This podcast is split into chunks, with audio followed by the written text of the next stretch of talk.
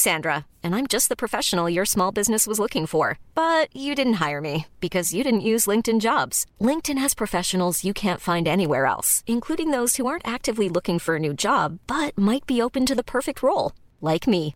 In a given month, over 70% of LinkedIn users don't visit other leading job sites. So if you're not looking on LinkedIn, you'll miss out on great candidates like Sandra. Start hiring professionals like a professional. Post your free job on linkedin.com/people today. Burrow is a furniture company known for timeless design and thoughtful construction and free shipping, and that extends to their outdoor collection.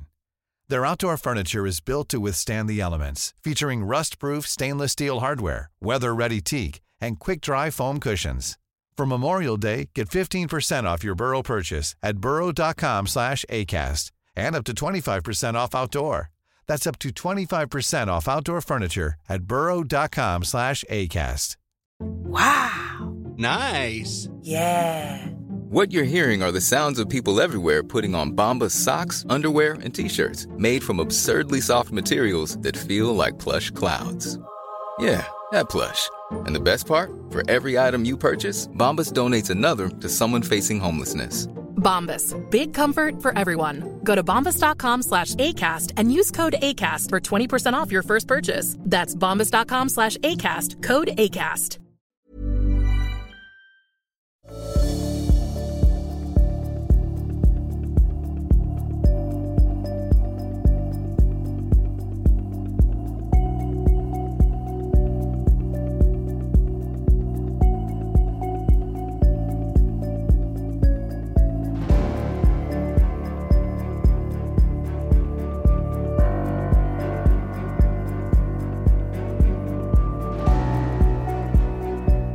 Du lyssnar på podcasten Samtal, en podcast med fokus på fria samtal.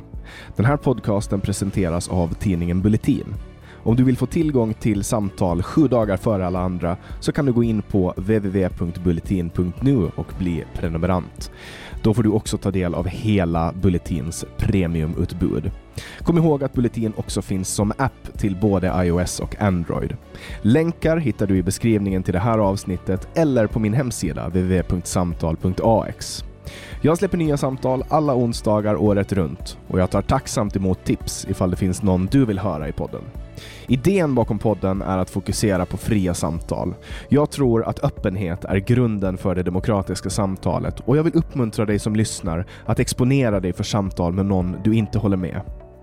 Jag heter Jannik Svensson och du lyssnar på podcasten Samtal. Axel Jakobsson lever sedan födseln utan syn. Han är musiker, imitatör och studerande. Välkommen till Samtal, Axel. Tack så mycket Jannik. Kul att få vara med. Mm. Och jag har ju sett fram emot det här jättemycket. Jag måste tyvärr ställa in förra helgen när vi skulle spela in, men nu har vi äntligen gjort det. Och nu har jag träffat eh, fysiskt första personen från Clubhouse. Mm. Um, är det första podden du är med i? Det är första podden. Det är helt debut. Mm. Uh, och uh, Vi träffades ju på Clubhouse för vad kan det vara, fem, sex veckor sedan eller något sånt. Mm. Uh, och Vi brukar ha väldigt roligt åt att du imiterar, så jag tänker att vi kan väl öppna med en imitation. Ja, om vi då ska börja med uh, lite Leif GW Persson som är en av mina favoriter att imitera så då är det ju så här att uh, det, det, Clubhouse är ett ganska bra media va? för att det är ju väldigt sällan brottslighet på just där va? utan när jag läser på brott så kan man ofta ta en paus ibland och, gå in på eh, Clubhouse. och sen har vi ju, du gör ju en väldigt bra Jan Guillou imitation också. Ja, alltså Jannik, jag brukar alltid som eh, äldre journalist vara mån om mina yngre kollegor. Så att eh, Jannik, du har mycket kvar att lära innan du kommer upp i min kaliber. och sen har du ju Mikael Persbrandt, han är du också väldigt bra på. Ja, alltså då blir det ju lite mera Gunvald skulle jag tänka. Ja. Ulrika Lindén, hon har identifierat dig. Hon drog av dig i luvan. Vi vet att det var du som var där. och, och den här imitationskonsten, det här är någonting som du har... Hur länge har du hållit på med imitationer? Alltså jag har hållit på med det ända sedan jag var liten, men jag kan väl säga att det tog fart under högstadietiden. För att jag vann en, ett litet stipendium på skolan, att jag skulle få lyssna på en konsert med mina dåvarande musiklärare och eh, Peter Flack. Och han är ju ganska känd här i Örebro så att då så, så lyssnade jag, fick jag gå på den konserten och sen fick jag en CD-skiva med 26 stycken historier av Peter Flack och sen så lärde jag mig dem och sen när jag var där på konserten så fick jag imitera för honom och sådär och träffa honom. Mm.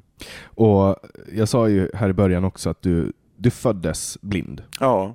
Vad, vad, är det någon sjukdom eller? Nej, det, vi vet inte exakt vad det beror på. Alltså jag har en teori om att det kan ha med Tjernobylkatastrofen att göra. Jag är född 1986 då, och då, då kom det ju en massa radioaktivt material över Sverige och det var många som föddes med missbildade händer och sådär. Så, så det är min teori, men vi vet inte, för mina syskon är seende. Mm. Och du har inga ögon överhuvudtaget? Nej, jag föddes utan ögon. Så det latinska namnet för det är anoftalmi. Mm. Eh, så att det, det, det, skiljer sig också från, alltså det är liksom ingen sjukdom i sig, utan du har helt enkelt bara inte utvecklat ögon. Precis. Allt annat är fullständigt Jajamän. komplett. Ja. Bara ögonen som är borta. Ja. Uh, och hur var det när du började liksom, jag tänker som barn, när du började bli medveten? Hur länge tog det innan du förstod att alla andra ser, men inte du? Ja, alltså det, det kom nog gradvis. Alltså jag märkte ju liksom i skolan att, att jag inte alltid fick vara med de andra kompisarna de, på rasten och så när de skulle iväg och leka och så där. Men jag, Ja, det var några kompisar som jag lyckades hänga ganska mycket med eh, och sådär. Men sen är jag en extremt nyfiken person så att alltid när det var vinter så ville jag också vara på eh, det var som en kulle på, utanför skolan i Vingåker som, där man kunde åka upp och ner och åka ner eh, för den och sådär. Och då tyckte jag att det var väldigt kul att vara med. Så att eh, jag har alltid försökt att vara med så mycket som möjligt. Mm. Så när du var fyra, fem år, vad, hur lekte du då? Jag lekte nog ganska mycket själv. Eh, det är inte, jag har inte så mycket minnen av det faktiskt. Men eh, det, det var mest, eh, jag lekte väldigt mycket själv. Jag lekte med bilar och, och vanliga leksaker. Liksom. Mm. Vad är ditt första minne då? Eh, ja det var en bra fråga. Um, det är nog när jag ramlade ner i en rosenbuske tror jag på pappas altan. Det gjorde väldigt, väldigt ont. Mm. Så hur, hur var det att liksom lära sig gå och sånt? Gick allt det i samma takt som, som övriga eller var det blev som att det la på någon? Det kan nog min mamma bättre svara på. Det, jag kan ju tänka mig att det tog lite, lite längre tid. Men eh, min mamma var ju så att hon ville ju att jag skulle utforska saker. Så att hon tog mig runt och, och visade mig, ja men här är soffan, ska, här är vardagsrummet, här är det här, här är det här. Hon, hon har varit väldigt liksom pedagogisk i liksom sätt att visa mig saker. Och det har jag haft stor nytta av när jag blivit äldre. Mm. Och, och, hur var det med, med liksom, eh, när du, med att du föddes som blind, då antar jag att du fick lära dig från början att läsa punktskrift? Ja, precis. Så att eh, det började jag hålla på med när jag började i lågstadiet. Så då kunde du i princip sitta med dina klasskompisar? Ja, jag satt med mina klasskompisar och hade en dator. Och sen så fick jag ha en speciallärare för vissa lektioner och framförallt för punktskriftsträning. Mm. Så att jag är väldigt glad att jag har fått gå i en seende klass. Mm. Så i övrigt så har ditt liv varit ganska likt de andra? Ja, det skulle jag nog säga. Mm. Så jag, jag, är fortfarande så nyfiken. Alltså jag, har ju, jag har ju försökt att hålla mig ifrån att ställa frågor. Vi hänger ju ganska mycket på Clubhouse och då försöker jag att undvika att ställa massa frågor för att spara det till just det här tillfället. Ja. Eh, så jag kommer ju att få ställa vissa frågor om och om igen, men jag vill fortfarande liksom komma tillbaks till den här riktigt tidiga barndomen och eh, där, där man utvecklar ett medvetande om sig själv. Jag kommer ihåg när jag var ett barn och utvecklade någon form av medvetande om, om vem jag var och min identitet. Hur länge tog det förrän du förstod att, att det var någon, någon, något som saknades i form av sinnen? Ja, men det var nog när jag började i, i lågstadiet och sen blev lite äldre när jag liksom märkte att men de andra spelar ju fotboll. Liksom, varför kan inte jag spela fotboll? Nej, det går ju inte. Liksom. Det, det är ju något jag har saknat Mm. att, att göra. Liksom. Så det var nog där. Men eh, jag tänkte inte jättemycket på det. Alltså de tankarna kom mer när jag blev äldre. Alltså när, när man blev liksom 17-18 och skulle, när andra gick ut på krogen. Liksom, och varför?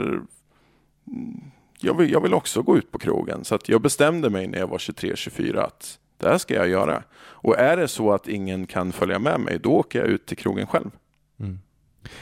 Och sen tänker jag också på alla de här små sakerna som, som nu när, när du hällde upp kaffe åt mig så räknar du steg. Ja, jag räknade. Jag ville ju inte slå ner mikrofonen så att jag liksom ville känna att, att jag inte gick för snabbt. Mm. Så, så att därför så, så tog jag det ganska lugnt. Annars om det inte hade varit en poddutrustning här inne, då går jag ju fort. Mm. Liksom. Men, men när du är på en ny plats, då behöver du liksom memorera hur många steg du har gått? Nej, eller? jag lyssnar efter väggar. Så att jag hör, jag kan höra en vägg om jag står 10 meter ifrån den. Fem meter ifrån. Så jag räknar inte steg. Och det är genom att lyssna på sus och sånt som finns i Ja, omgivningen? det blir ett stumt ljud. Alltså klangen av en vägg låter på ett visst sätt. Och det är samma sak när jag är ute och går. Alltså en husvägg låter på ett visst sätt. Så att jag lyssnar. Jag är lite som en fladdermus. Jag lyssnar på husväggen. Mm. Så att jag inte går in i den. Och det är samma sak om en bil är tyst och jag står fem meter ifrån en bil så kan jag fortfarande höra bilen. Mm. Okej, för att eh, då antar jag att du har utvecklat en, en hörsel som är bättre än, än, än en seendes. Ja, den, alltså jag lyssnar ju efter detaljer så att den är ju väldigt skarp. Mm. Men sen tror jag också att min musikerbakgrund också spelar jättemycket in. Att jag, jag, jag analyserar mycket vad jag hör. Mm. Musik är ju någonting som du har valt att, att ägna ditt liv åt. Mm. Eh, hur, eh, vad är din första upplevelse med musik? Alltså det var nog när eh, min mamma spelade för mig när jag var tre, två, tre år gammal. Och jag liksom satt vid pianot och jag tryckte ner tonen bess och tonen gess och jag tycker det här lät ju snyggt. Liksom. Så att eh, jag började spela redan då. Mm. Så du har spelat piano sedan du var två, tre år gammal? Ja, Och det kan jag tänka mig att det är någonting som måste vara otroligt att upptäcka när man inte ser någonting, att man kan frammana ljud bara genom att trycka på vissa punkter. ja, ja visst. Vad var första musikupplevelsen du hade i form av eh, skiva? Vad var den första skivan du kommer ihåg att du hade? Som du? Ja, det är lite svårt att säga, men ett musikminne som sitter kvar, det är när jag fick en skiva med Lejonkungen, historien. Eh, och jag liksom eh, lyssnade till, till hur man hade arrangerat musiken och sådär och jag tyckte att det var jätte, jättebra. Så att eh, det är nog ett sånt där starkt musikminne. Mm. Och, och hur um, Kommer du ihåg första, typ, jag, jag minns ju min första upplevelse med, med musik som jag hade. Det var en, en Bon Jovi-skiva som jag hörde. Eh, det, det är nog första som jag kommer ihåg. Det var hans soloskiva Destination Anywhere. Ja. Eh, som jag hörde i baksätet på min pappas eh, kusins eh, bil. Mm. Eh, eller om det var, eh, ja, det var 1999 kanske, 98 eller något sånt. Mm. Kommer du ihåg din första musikaliska upplevelse? Elton John är ju en stor, stor förebild. Så han har jag ju lyssnat jättemycket på sedan jag var liten. Och även Queen. Mamma spelar mycket Queen. Så uh, Mm. låten Fooling around, en sån här låt som jag varit helt såld på. Mm. Du, jag tror att man, nej man kan, man kan inte göra det längre, men jag tatuerade ganska nyligen en, en eh, ehm, Freddie Mercury på armen och de första två, tre månaderna av en tatuering så kan man känna konturerna av den. Det kan man tyvärr inte längre, men eh, jag har en, en, eh, en stor silhuett av Freddie Mercury på armen. Nice, När han står med sin, eh, han hade ju ett avsågat mikrofonstativ som han Mm. alltid hade. precis. Eh, så det är lite av hans signatur. Ja, Men eh, du spelar piano, gitarr ja och sjunger. och sjunger. Och du, du har ett band också eller? Ja, precis. Green Island heter vi. och finns i Örebro. Ja. Och du har turnerat lite också. Ja, jag har spelat på lite olika ställen. Eh, nu på senaste tiden har det ju varit mycket med Green Island här i Örebro. och Sen har det varit eh, i olika konstellationer på Musikhögskolan. Eh, sen har det varit spelningar i Katrineholm och i Vingåker och sådär. Där jag ursprungligen kommer ifrån. Då. Mm. Och om, om vi hoppar tillbaka då till, till skoltiden, vi, vi hoppar ju lite fram och tillbaka, Mm. men, men det gör man ju i den här podden, det vet du ju. Ja. Eh, när, när du började lära dig läsa punktskrift och sånt, eh, hade du någon upplevelse med, med litteratur då? Någon författare eller någonting som du minns? Nej, ingen författare, men det som jag tyckte var jobbigt var ju att punktskriftsböckerna var så fruktansvärt stora. Så att de, det var ju tungt att bära punktböcker i ryggsäcken. När, framförallt när jag skulle lära mig alfabetet och sådär. Och, och eh, jag har för mig att jag läste Grottbjörnens folk också. Och det var ju enorma böcker som jag skulle bära. Så att det, det vart mycket bättre sen när jag fick en dator. För då, då förändrades det där ganska mycket. Mm. Och det finns någon speciell punktskriftstangentbord som du ska visa till mig sen? Jajamän, en punktdisplay med ett inbyggt tangentbord som är byggt efter en gammal skrivmaskin som heter Perkins. Som är väldigt vanlig. Hur länge har punktskrift eh, existerat då? Som... Kan det vara 1800-talet? Jag vet inte, jag är osäker på det. Men det var ju han Louis Braille som kom på. Är det internationellt eller är det? Ja, det finns ju lite olika punktskriftstabeller beroende på vilket land man är i. Men det är ju rätt så internationellt, det skulle jag säga. Sen men är det lite men det är olika. som att, man, eller ko- komponerar du enligt vårt eh, svenska alfabet med å, ä, ö och, och så vidare? Eller? Ja, det finns ju, men det ser helt annorlunda ut i punktskrift än i svartskrift. Mm. Punktskrift är ju som ett helt eget språk. Det är uppbyggt på ett helt annat sätt. Så du kan tekniskt sett kommunicera med en blind person från Indien om den har lärt sig punktskrift Ja, det ska jag säga. genom att skriva, Jajamän, men inte prata. precis. Eh, så vad, vad, om, om du skulle beskriva liksom, eh, ur ditt perspektiv det du upplever när du bara sitter och, och tar in ljud. Ja, alltså det beror ju helt på vilket ljud det är. Alltså är jag ute på något ställe där det är väldigt bullrigt, ja då kan det ju vara jobbigt ibland. Eller också så sållar man ljuden. Alltså jag har ju lärt mig det med åren att, att jag vill ju sålla bort det jag inte vill höra. Så att det beror helt och hållet på situation. Så här, nu när vi poddar så här så är det ju som att prata helt vanligt liksom. Men är man ute på en, en krog eller diskotek, då måste man lyssna in det som är viktigt att höra. Ett strategiskt tänkande. Och det har jag tränat upp genom åren. Det måste bli, alltså, det måste ta energi. Ja, det är klart att, att eh, man är ju lite trött efter att ha varit på ett diskotek och stått mitt på dansgolvet. Absolut. Hur är det att röra sig ute på, på stan? Du använder en blind, blindkäpp? jag? Jajamän. Uh, upplever du att folk i omgivningen tar, tar hänsyn till att, att du kommer där? Ser dem? Förstår dem? Ja, alltså många förstår. Jag skulle säga att 99 procent förstår. Och sen finns det ju folk som inte riktigt vet hur de ska bete sig. Så är det ju. Nu är Örebro en cykelstad så att jag, jag måste vara väldigt mycket på min vakt när jag är ute och går för att det kommer cyklar överallt. Så att jag trivs bättre i mindre orter eller mindre städer än i storstäder. Men det sättet de ser att, att du är blind, det är att... De ser ju blindkäppen. Ja.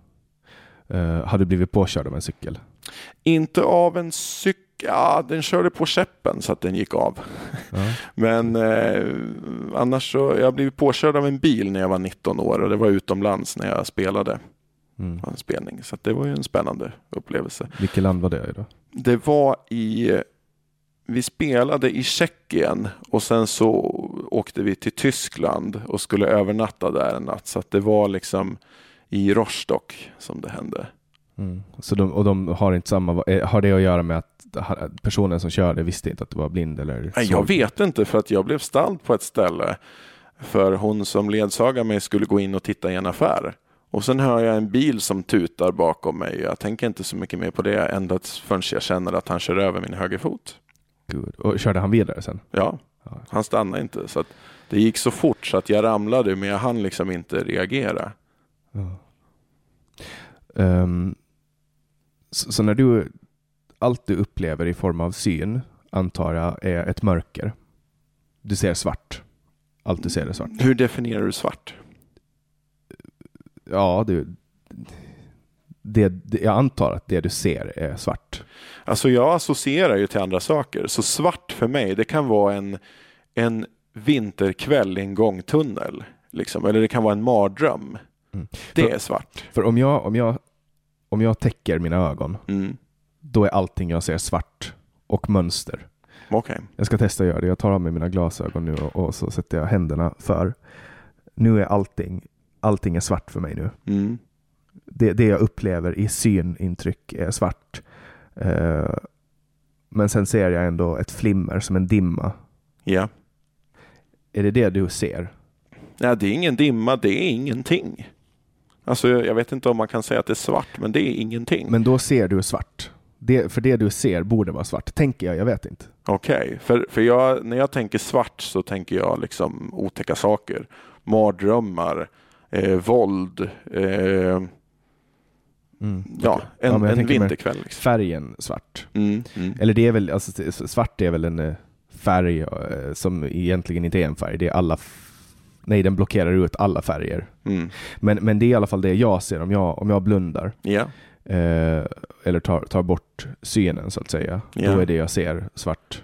Om vi säger grönt, då tänker jag på nyklippt gräs på sommaren. Lukten av nyklippt gräs. Mm. Och det, rött, då tänker jag på när jag stod två meter ifrån en soptunna som brann när jag var i Holland mm. för några år sedan. Liksom. Eh, blått blåbärssoppa Mm. och vatten tänker jag på. Just det, så att du, du, har, du har liksom bildliga associationer. Hur, hur bygger du det i, i dina tankar om någon beskriver någonting för dig? Ja, det är ju saker som jag har upplevt. Mm. Så gult, ja det tänker jag, det är en väldigt starkt. Då tänker jag solen, när jag får solen i ansiktet. Brukar du liksom för det har jag sett en del, en del blinda göra, att de, att de känner med fingrarna på någons ansikte. Eh, drar ha- hand- handen över ansiktet för att liksom skapa en inre bild. Ja, ibland brukar jag göra det. Inte alltid, men ibland. Mm. Vissa personer, vissa utvalda. Och, och då antar jag att du bygger någon form av inre bild för hur Ja. den människan... Absolut. Och det är samma sak om jag känner på en bil. Ja, en låda med tak på och dörrar. Ja. Så att det, man, man, Men där, där hör du säkert på en bil vad som är en fin bil och vad som är... ja, jo men absolut. Och jag, jag älskade ju att sitta alltså, bakom ratten eh, på farsans bil när jag var liten och jag fick alltid växla när han körde. Och alltid, vi hade en Mazda för länge sedan och alltid när pappa körde i 90 kilometer i timmen på femmansväxel så surrade bilen i tonen F. Så att jag hörde direkt att nu kör du för fort och nu kör du för långsamt. Liksom. Ja, ja nej men det är sant alltså. Jag, man, växlar, man växlar ju med, med hörseln. Mm. Eh, det gör man ju. Eh, Varvtalet måste vara i ett visst läge och sen trampa ner kopplingen och, sen, och veta precis när man ska växla. Det, det gjorde jag ju när jag var jätte, jätteliten. mm. Och jag har även krockat med en gammal bil, en gammal skrokbil. Bil, liksom. Då körde jag själv. Ja, nej men det, det är ju sånt som, som, som du aldrig kommer att kunna göra nu i alla fall. För vi har ju snart självkörande bilar. Det finns ju redan. Mm. Eh, Tesla. Ja, jag vill ju ha en sån så småningom. Ja, men det kommer, det, där finns det ju lite lagstiftningsproblem. Att, eh, den är ju mycket säkrare att sitta i en Tesla Mm. eh, som är eh, självkörande än att sitta i en Tesla som någon människa kör. Ja, Därför att en dator är alltid bättre på att, att köra en bil än vad en människa är. jo. Men, men det, kommer, det kommer vi förhoppningsvis att, att se under vår livstid. Mm. En helt autonom flotta. Ja, det skulle vara fantastiskt. Hur är det nu när du tar dig runt i, i, i stan? Har du färdtjänst eller? Jag har färdtjänst och jag har en ledsagare som eh, när jag ska göra vissa ärenden, kolla på kläder, gå till Systembolaget, göra vissa specifika saker. Då har jag min ledsagare. Mm. Och, och ledsagaren kan du ringa när som eller? Ja, för vi känner varandra så nära. Vi spelar i samma band också. Så att, Just det. Eh, och, och han bor här i närheten eller? Han bor eh, utanför Örebro. Okej. Just det. Ehm, och, och i övrigt då, att, att plugga, du pluggar Ja, tyvärr är det så att jag inte kan fortsätta med min lärarutbildning för att Karlstad universitet har inte anpassat utbildningen så att de kan inte göra anpassningar så att jag kan undervisa mindre grupper utan hela utbildningen är inriktad på att undervisa helklasser. Och jag inser att jag kommer inte längre så att jag måste börja söka jobb istället. hur länge, du har alltså en utbildning inom musik Ja, en kandidatexamen som musiker. och, och hur är det med sen då? Sen lärare? är det ju lärarbiten, pedagogiska biten, eh, som jag har eh, läst i omgångar kan man säga. Men jag inser nu att, att jag har kommit till vägs ände med utbildningen i Karlstad. Så att, Hur länge har du studerat den utbildningen? ja, det är ju... Jag började ju 2019, i januari 2019. Men eh, jag studerade innan också, men sen hände det saker 2014 som gjorde att jag var tvungen att avbryta mina studier. Och nu försökte jag gå den här utbildningen igen och jag har precis avslutat en praktik i Katrineholm som är nog den bästa praktik jag haft för då fick jag praktisera på min gamla högstadieskola. Okej. Och jag fick ha en av mina lärare som jag hade under högstadietiden som har haft ett stort intryck på mig och har liksom fostrat min musikaliska. Dels att eh, han körde med mig ordentligt men alltså jag lärde mig sjukt mycket. Och då undervisar du i musik? Jajamän. Eh, och, och finns det någon möjlighet att du ska kunna jobba som musiklärare nu trots att du inte är fullt Ja. utbildad? Jag har kompetens. Min musikerexamen ger ju mig kompetens att undervisa på eh, kulturskolor och folkhögskolor. Mm. Och jag skulle även kunna ta ett vikariat tror jag på en, en, ett musikgymnasium. Men jag skulle inte kunna få fast anställning. Finns det någon annan skola du kan gå som ger dig den här?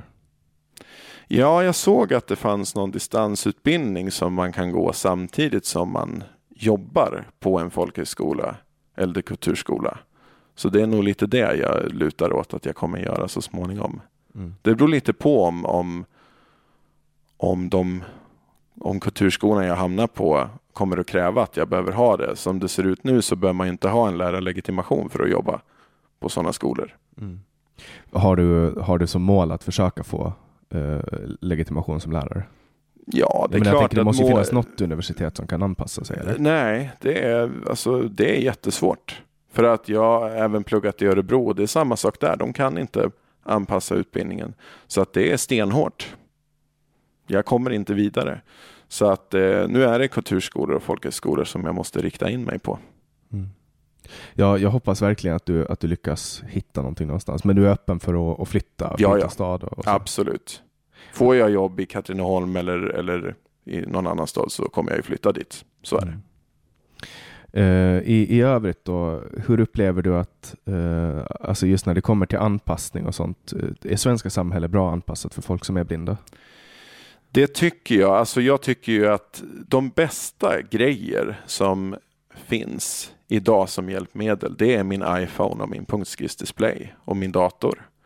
Det är liksom att koppla displayen till datorn, det gör ju att jag kan göra i princip det som du kan göra. Och samma sak med min iPhone som har röststyrning, voiceover. Så att Apple är ju väldigt, väldigt bra på tillgänglighet. Så Apple är bättre än staten på tillgänglighet. Ja, det skulle jag säga. Men staten kanske använder sig av Apple? Ja, det kan de nog göra vissa saker, men absolut, det, det är, Apple är jättebra liksom. Och um, nu börjar ju Android komma ikapp när det gäller tal och sådär. Så att det är jättebra, då får de konkurrens. Mm. Hur upplever du när du är på allmänna platser och sånt? Är det anpassat för blinda? Ja, nej, det skulle man väl inte kunna säga. Jag kräver inga speciella anpassningar. Det är väl liksom att man kan... Eh, det är ju cyklarna skulle jag säga som, som är att de står överallt. Att det är lätt att gå in i cyklar. Det har ju hänt. Så att de har ramlat. Mm. Och då, det har ju känts lite sådär. Men eh, annars så, så kräver jag inte några stora anpassningar så. Mm. Jag är ganska liksom självgående och rörlig. Men i ditt fall så, så kan jag tänka mig att det är lite lättare än om, att, i och med att du inte har några ögon. Så man ser ju att du blundar hela tiden. Mm. Eh, och det kanske gör att det är lite lättare att, att bli mött eh, än om du till exempel skulle ha solglasögon på dig. Ja, absolut. Och, och det har du aldrig då, antar jag?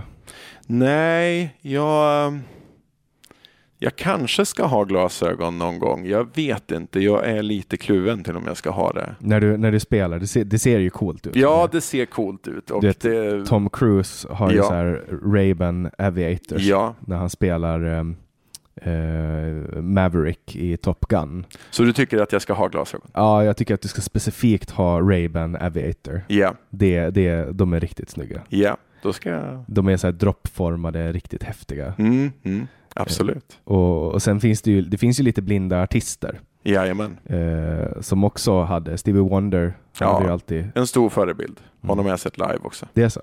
Ja. För han har ju alltid, han, han har alltid haft på sig, ehm, jag tror att det är Clubmasters eller om det är eh, det är någon av de uh, Ray-Ban modellerna. Mm. Stevie Wonder, Ray Charles, Andrea Bocelli. ehm, Ja, Raoul Midon, också en bra gitarrist. det är ju knappast en slump att, att eh, folk som är blinda blir duktiga musiker. Jag kan tänka mig att det är flera som utvecklar ett musikintresse. Mm. Om du skulle få välja eh, att först ha sett och sen bli blind eller att födas som blind, vad väljer du då? Födas som blind. Mm. För att då slipper du veta vad du saknar eller? Ja, men jag skulle ju vilja kunna se. Men om jag fick välja mellan att bilda familj eller att kunna se, då skulle jag ju hellre vilja bilda familj. Mm. Eh, finns det fysiska förutsättningar för att på artificiell väg kunna ge dig syn? Ja, alltså det, det, jag fick kontakt med en kille som håller på och utvecklar AI-glasögon. Så att vi har lite kontakt just nu så att jag hoppas att han jag har försökt hjälpa honom med lite tips och råd på hur han ska utveckla dem. Så att eh, jag hoppas att det... Men när det kommer till, när det kommer till liksom att, att fysiskt kunna placera ögon i, i, i dig, skulle det gå? Eller saknas det? Jag tror inte att det går just nu, men eh, jag är helt övertygad om att det finns, att tekniken för att göra speciella glasögon som har AI finns. Sen är det väl just marknaden, att den kanske inte är jättestor. Jag tänker när rent, rent fysiskt, eh, förutom själva ögonen, så har, har du den delen av hjärnan som, eh, som tar emot synintryck och sånt. Eh, finns det, är det typ som ett tåg som går? Att om man inte tittar första åren så kan man inte utveckla den delen. Hur, hur funkar det? Jag har ingen aning faktiskt. Jag har inte tänkt på det. Ja, men för jag sitter bara och tänker på så här framtida tekniker, att man helt plötsligt så kanske det går att operera in ögon och så ser du helt plötsligt. Mm. Jag skulle nog få en chock när jag, om jag skulle se och se alla höghus. Shit vad stora hus! Hur Jag- kan de vara så stora liksom? Jag tror att du skulle bli besviken när du såg världen. Ja, kanske. Jag vet inte. Nej, men det, världen kan vara vacker. Mm. Eh, det finns väldigt vackra, men, men det vackra kommer ju i stötar. Ja, Speciellt i Sverige. ja. Jag saknar att kunna titta på vackra människor. Liksom. Jag vill ju känna på dem istället. Mm. Ja, men det... Och, och, och, får, du göra det då? Oftast så får jag det. Har, har du, händer det att du har fel? Att du tror att någon som låter vacker inte är vacker? Mm. Nu är det ju mest tjejer som jag tänker på när vi pratar om vackra personer. Nej, jag hör vad jag gillar. Mm. Jag hör exakt vad jag gillar. Jag förstår. Och, och där är ju också så här, jag har ju, det har ju flera gånger hänt att jag har pratat med folk på telefon och så tänker jag att shit, den här människan är nog säkert skitsnygg. Uh, och sen träffar jag den personen i verkligheten och så är den inte alls det. Nej, men där finns det en viktig sak att tänka på. De nya, alltså när, när vi pratar i de nuvarande mobiltelefonerna och du pratar wifi-samtal, då har du bättre ljud och kan, kan höra det eller inte om en person, du tycker en person ser bra ut eller du gillar. På gamla telefoner var det mycket svårare för att du hade mindre diskant Mm. på rösten. Men egentligen så är det ju eh, oväsentligt för dig. Därför att du kan, ju, alltså, du kan ju skapa en bild av en person hur du vill att den ska se ut. Alltså jag tycker utseende är viktigt. Mm. Jag tycker det. Och det är viktigt hur man är klädd. Och det fick jag ju lära mig av mina föräldrar, alltså när jag var liten, att det är viktigt hur man ser ut och hur man klär sig. Mm. Det, det är jätteviktigt. Att man ser liksom att man, att man har klass Ja, på sig. ja. Jag Nej, det, det håller jag med om. Och framförallt när jag står på scen och ska framträda, då vill jag ju alltid se snygg ut. Mm. Ja, Jag har på mig en eh, 15 år gammal Dark Side of the Moon t-skjorta idag. Den har till och med hål. Okej. Ja, och jag tänkte så här, jag ska skicka in den, jag tycker om den här jättemycket och jag ska skicka in den till skräddare. Men om jag ska vara helt ärlig så tänkte jag idag, ja men Axel kommer ändå inte att se det här hålet. Nej, nej, precis. Du får visa mig det sen får jag kolla på det. Nej, men det, är en, det är min favoritskiva, Dark Side of the Moon. Ja. Ehm, vet du hur uh, omslaget ser ut? Nej. Det är en triangel och så är det en regnbåge, eh, som, eller det är en, en vit eh, ljusstråle som går in i den här triangeln och så bryts det ut i en regnbåge. Mm. Eh, och det är alltså ett prisma. Eh, och, och det är ett ikoniskt omslag som jag tycker är väldigt vackert, men det är också sannolikt det bästa albumet som har gjorts i världshistorien. Wow. Men du, du, du måste ju älska Dark Side of the Moon, jag bara utgår ifrån det. Ja, jag vet inte vem är det som har gjort det. Det är Pink Floyds absolut bästa album. Okej, jag är inte, jag ska vara ärlig, jag är inte ett jättestort fan av Pink Floyd. Jag har lyssnat igenom lite låtar, men jag har kommit fram till att det är, det är några låtar med Pink Floyd som jag har fastnat för, men jag är inget stort fan av Ja, Pink men då ska jag, då ska jag, det ska jag ändra på. Ja, Jag ska spela Dark Side of the Moon för dig på högsta volym. du får göra det. För det, är Det- ju, det är ju ett, ett, ett album som har så otroligt bra ljudbild så att det är helt galet. Ja, ja. Det, det, men vad, vad, vad gillar du annat för, för slags musik då? Ja, men jag gillar ju soul. Soul och funk. Alltså Stevie Wonder, Andrea Bocelli, Elton John. Eh, jag tycker ju om bluesrock. Tycker jag är nice att lyssna på. Även jazz. Eh, som är väldigt melodiöst liksom. Eh, Metallica tycker jag är skitbra. Eh, så det är mycket, mycket sånt. Toto är ett stort band som jag gillar. Ja, de var på Åland för någon sommar sedan Ja, spelade. Och då, då var jag fast i Stockholm för jag jobbade. Eh, fast det är ju ändå inte original, det var ju inte så jättemycket originalmedlemmar med. nej, nej, de har bytt ut folk. Mm. Eh, brukar du vara på mycket konserter före corona? Ja, alltså det har ju varit mycket i Örebro och i Hallsberg som jag har gått på. Så det är klart att jag har varit på mycket konserter, absolut.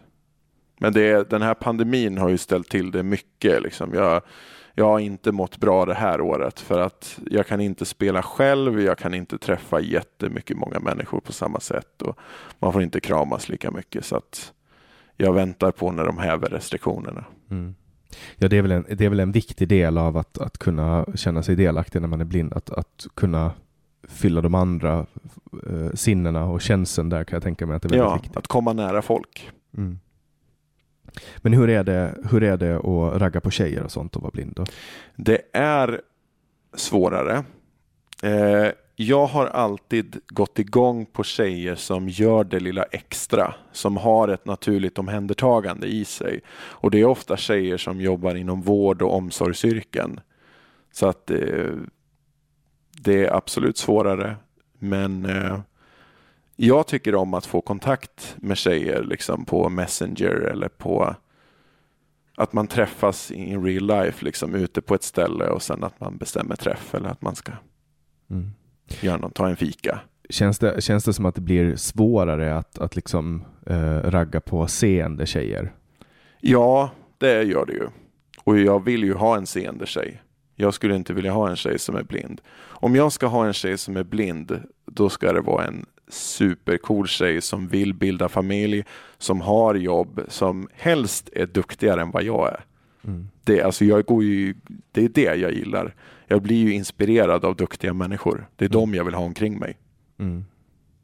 För, för jag menar, alltså, för mig förefaller ju du som en, en, alltså när vi sitter så här, allting, allting är, känns normalt. Enda skillnaden är att att du, du blundar. Mm. Jag, jag, jag håller ögonkontakt med dig hela tiden. Mm. Eh, för jag gör alltid det när jag poddar. Jag, och nu slipper jag tänka på att titta bort. För Ja. att jag, jag får ofta göra det för jag, folk kan tycka att det är obehagligt när jag håller så intensiv ögonkontakt. Men där funderar jag på en grej. Om jag hade haft ögon, hur tror du att min blick hade varit? För det brukar jag och, och en kompis prata mycket om, att blicken säger ju väldigt mycket om en person. Du hade helt klart haft en inbjudande,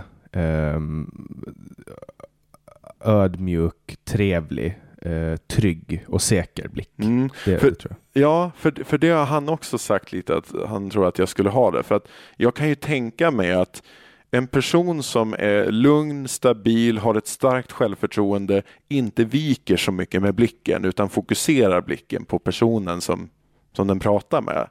Och jag kan tänka mig att folk som är kriminella eller folk som är, är lite så här, har någon, något lurt kan liksom flacka med blicken. Ja, men det stämmer nog. Mm.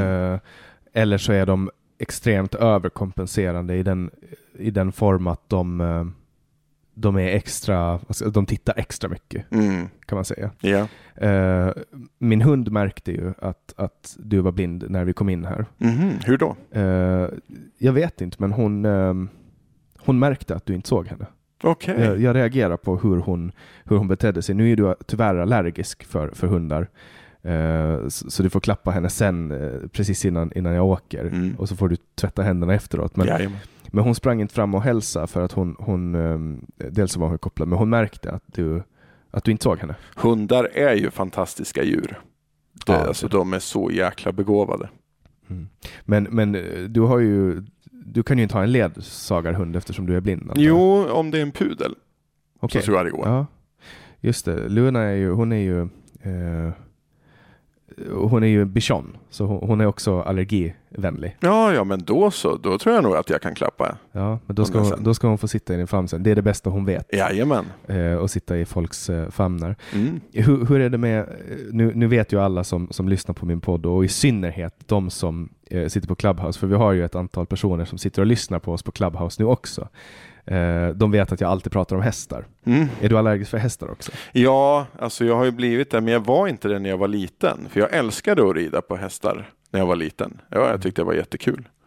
Men sen så, det kom ju i tonåren sen, så sen så Alltså det är lättare att vara med hästar när jag är ute än när jag är inne i ett stall. Och jag tycker ju om att vara på en travbana. Alltså det är kul att, att stå bredvid liksom banan och höra när hästarna kommer liksom när de springer förbi och så kommer startbilen. Och, så hör, och sen hör referaterna är också väldigt bra Ja, har jag ja. förstått. absolut. Ett, ett, ett blinda eh, kan följa eh, trav på ett helt annat sätt än, än till exempel fotboll eller, eller Ja, då, alltså fotboll går ju jättebra att följa på eh, Sveriges Radio P4. Mm. Och nu tyvärr, han som var min favoritsportkommentator, han jobbar inte där längre, men Lasse Granqvist Mm. var ju min absoluta favorit. När han liksom säger, spela högerbacksläge tillbaka till Rodin, Rodin fortsätter att flippa, pucken kommer ner på spela, pucken skjuter i mål. Liksom, där, liksom snabb, och han går in känslomässigt i, i matchen också. Så det, jag var ju helt såld på när Sverige spelar mot Finland. Och Sverige, jag för mig att Sverige ledde med 5-1. Nej, Finland ledde med 5-1. Och sen så gick Sverige förbi och så var det 6-5 till Sverige. Ja, Jag kommer ihåg när det blev 6-1. Kommer du ihåg det? till Finland. Så, så, jag tror det var så. Ja, Ja. Det var 2000, vad kan det ha varit? då? 2010 kanske? 2011? Någonstans där. Ja, det var, då, då kan jag berätta för dig att då kände jag mig som en finsk person. Ja. I övrigt så, så har jag ganska flytande när det kommer till, till nation, nationell tillhörighet. Mm. Hur är det att resa eh, som blind? Alltså det är kul att resa. Eh, jag har ju spelat utomlands och eh, nej, det funkar bra. Det bygger på att man har en bra ledsagare som man känner väl och som man reser med. Och jag antar att ljuden och rösterna och sånt blir upplevelse, upplevelse Ja. för dig? Ja, ljud och känselintryck och det är samma sak. För, liksom en, en fråga som jag ofta får det är hur är det när du drömmer? Och det är samma sak där. Det är ljud, känsel och, och doftintryck. Mm. Så det är samma sak. Alltså skillnaden som jag kan tycka är när man är utomlands, till exempel när jag var i Holland och spelade eller Tyskland. Det är liksom, det är mycket bilar överallt och det tutas och det är stressigt och liksom det är, alltså det är nog ingen skillnad för en seende. Mm. Uh, och, och, och, hur är det med, med där, där måste jag tänka mig att det är någonting, det måste vara någonting som är extra speciellt när man är blind att uh, äta mat och känna smaker. Ja, alltså jag gillar ju mat. Men att det förstärks, tänker jag, smakintrycken och så. Det är möjligt, jag vet inte. Jag kan inte jämföra med dig som är seende, Nej, så det är jättesvårt att svara på. Men, men eh, jag tycker om mat och jag tycker om att laga mat till andra. Jag tycker inte om att laga mat till mig själv. Mm. Hur, hur är det att och, och liksom, det måste ju vara förenat med en viss frustration att laga mat. Alltså speciellt när man är själv. Men det är klart, en, en, gång så lagade jag Stinas kyckling i ugnen och så brände jag, råkade jag ta ut kartongen och då var det så en sås och det, ugnen stod på, jag tror det var 230 grader, något sånt där. Och sen så tog jag ut den där kartongen och sen så rann det ut sås över min ena fot. Mm. Det, då var jag väldigt irriterad för det, jag brände sönder foten. Det vart stora bölder liksom som svullnade upp. Ja. Så att det är väl sånt liksom. Men... Sen tänker jag också att det är någon jävla tomatjävel som rullar iväg när du ska liksom... Det händer inte så ofta faktiskt. Mm. Men det är klart ibland. Men, men det, är, det är inget som är ett jättestort, det är inget jag tänker på, inget stort problem så.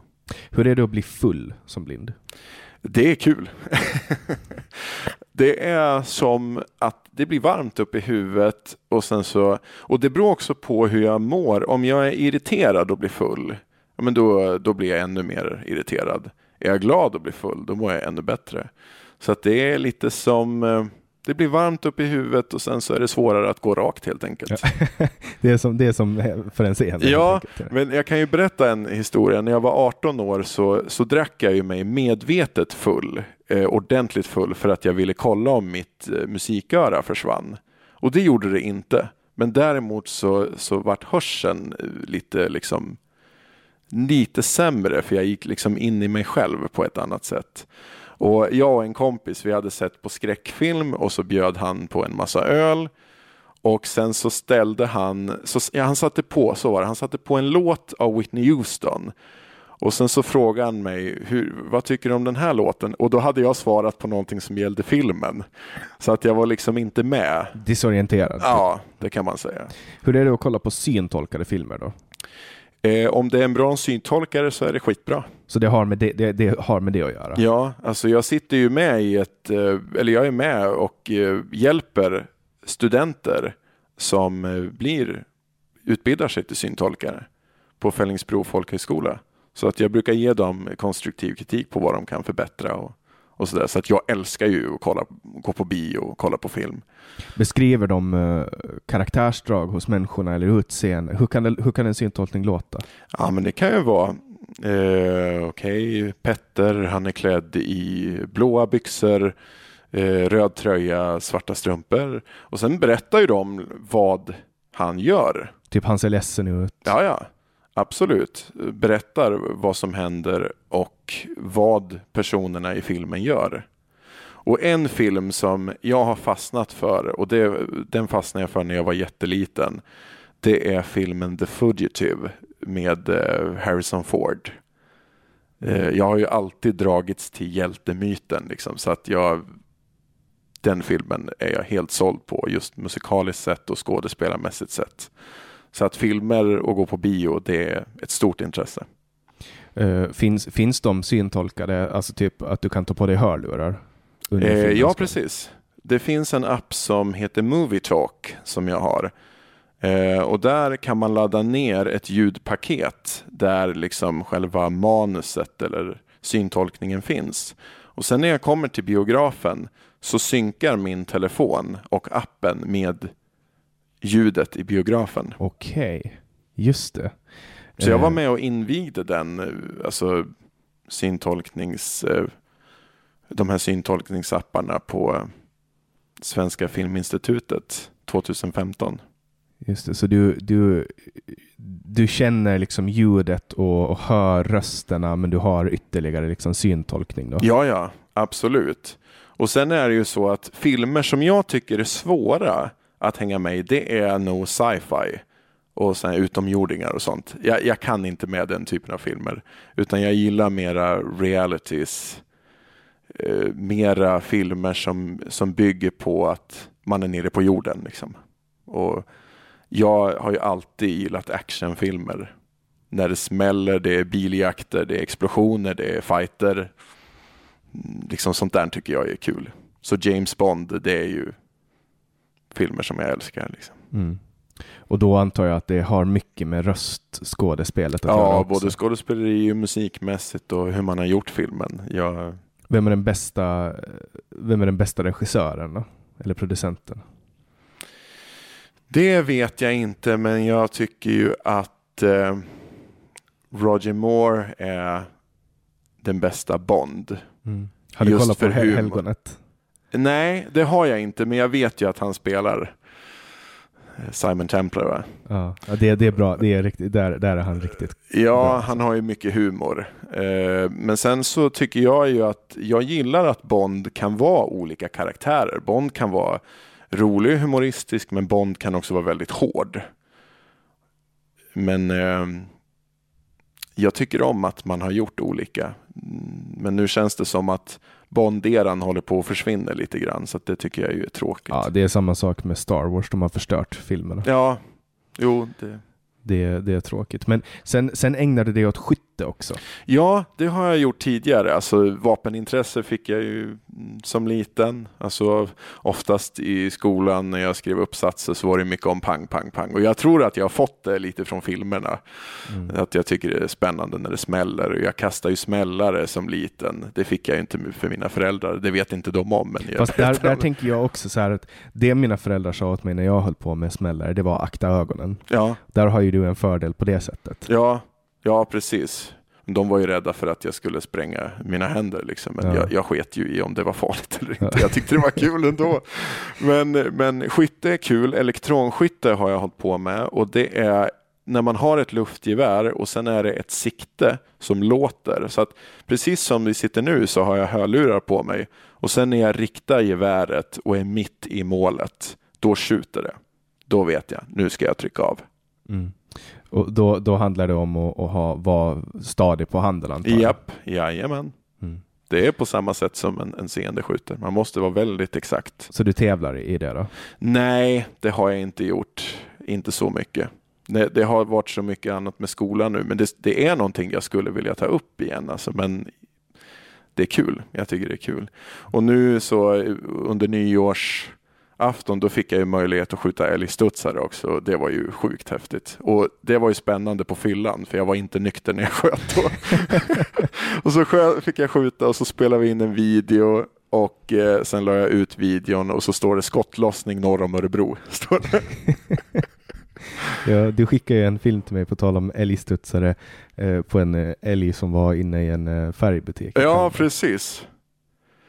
Det är ju det är lite speciellt hur den hamnar där. Ja, ja, nej, det, var, det var han som jag spelar med och som är min ledsagare. Så, det här måste du lyssna på Axel. Så visade han mig på Youtube-klippet och tänkte det här är ju... Finns det mycket syntolkning för Youtube-klipp? Nej, jag skulle inte säga det.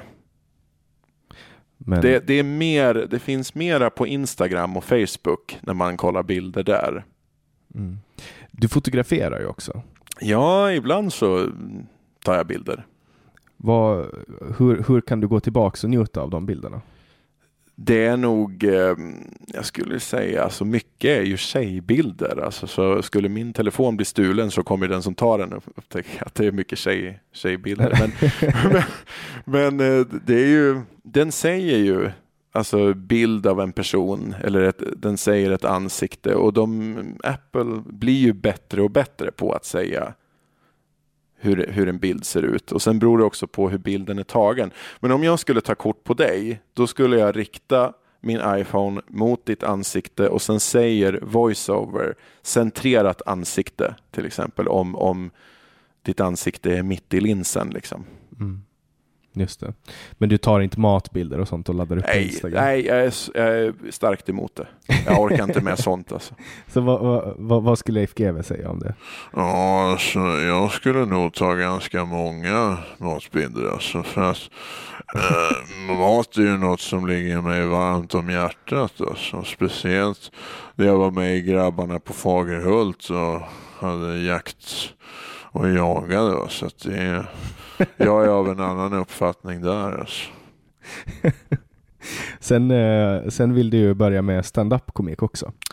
Ja, det Just nu vet jag inte. Jag tycker det, det, är, det är svårt tycker jag med att vara rolig idag för att man det är så lätt att någon liksom blir kränkt eller någon tycker att så där får man inte säga, så här får man inte göra. Så att jag tycker det är, det är lite jag tror att du skulle bli en bra standup-komiker. Tror du det? Ja, det tror jag. Vad tycker du jag skulle prata om då? ja, jag... tror att en, en, blandning av, alltså dels så har du ju den grejen, du vet som när Aron Flam går upp, då, är det ju, då pratar han om att han är jude. Ja. Då skulle du ju självklart prata om att du är blind. Eh, och sen också imitationer. Jag tror att du skulle få ihop en bra... Ja, att, att ha konserter och ha imitationer mellan låtarna, det har jag haft. Mm. Eh, så att det, det vill jag ju fortsätta med. Jag tror att det är där jag skulle göra bäst bästa framträdanden. Eh, jag vet inte om jag vill prata så mycket om min synskada. Det finns en annan kille som gör det ganska mycket. Och jag, jag upplever att väldigt många blinda som jag har träffat, de lever lite mer för sin synskada än med sin synskada. Jag vill ju leva med min synskada. Just det, du vill, vara, du vill eftersträva ett så normalt liv som möjligt. Exakt. Just det. Eh, du, vill alltså inte, du vill inte gå in i rollen att du är synskadad? Nej, grej. Ja. jag gillar inte det. Jag har aldrig gillat det, utan jag vill vara en helt vanlig kille. Mm.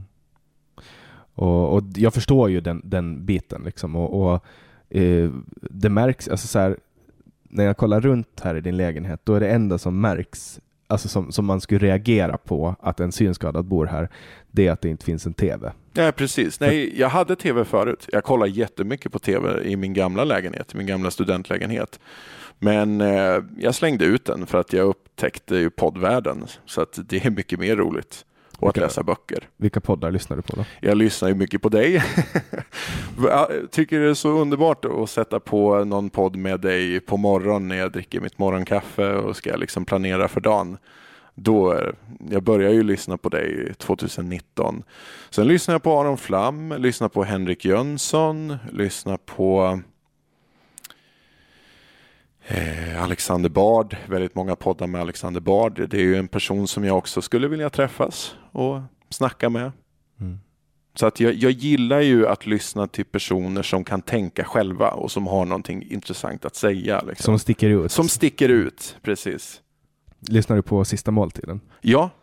De är ju väldigt roliga. Ja, absolut. Och jag lyssnar på den med Paolo Roberto också. Det är en person jag håller på och försöker lära mig att imitera och han jag skulle säga att Paolo Roberto och Lars Leijonborg ligger ganska nära. För att tar du Paolo Roberto, han, han, liksom, uh, han säger mycket så här och, och, har en liten heshet när han pratar. Själv har jag 13 företag, jag, polisen klassar mig som värsta kriminell. Och sen så tar du Lars Leijonborg, och om du ändrar så här då blir det, ja, vilket spel lite så här. Liksom. Men sen har vi Göran Persson, han, han kan du Faktiskt. Alltså man ska vara väldigt lugn och sävlig när man imiterar före detta statsminister Persson. Alltså Jannik, eh, du måste gå i en socialdemokratisk skola där jag faktiskt kan styra dig till 100 procent. Jag kan berätta för dig att, att Göran Persson tyckte inte det var kul att hamna bredvid mig på flygplanet en gång. Hur kommer det sig? Du är världens snällaste person. Nej, men jag pratar jättemycket. Han, han hade nog säkert annat att fundera på. Men jag, jag, passar ju på att eh, tömma honom på så mycket jag bara kunde. Ah, okej. Okay. Han ville vara privat. Ja, jag antar det. Men eh, så kan det gå. Ja, ja men han är kul. Och... och sen har du ju också då Greta Thunbergs eh, farfar. Ja, precis. Det är Olof Thunberg. Farmor har startat rökfri krog på Högaberget. Alla djuren är där för att ta sig en jävel. Det sitter Krösus Sork och tar en after work-öl. Katten Jönsson sippar på en Jägermeister. Åh, vad skönt att krogen är rökfri, säger farmor. Ja, det blir skönare så. Då känns en kall vind genom lokalen. Det lille Skutt kommer för att ta sin dagliga whisky och dra två linor kokain. Åh nej, det här blir trubbel, tänker Bamse. så. så det, alltså man kan aldrig bli fullärd på att imitera. Det finns alltid något nytt man kan plocka in liksom, som man kan öva på.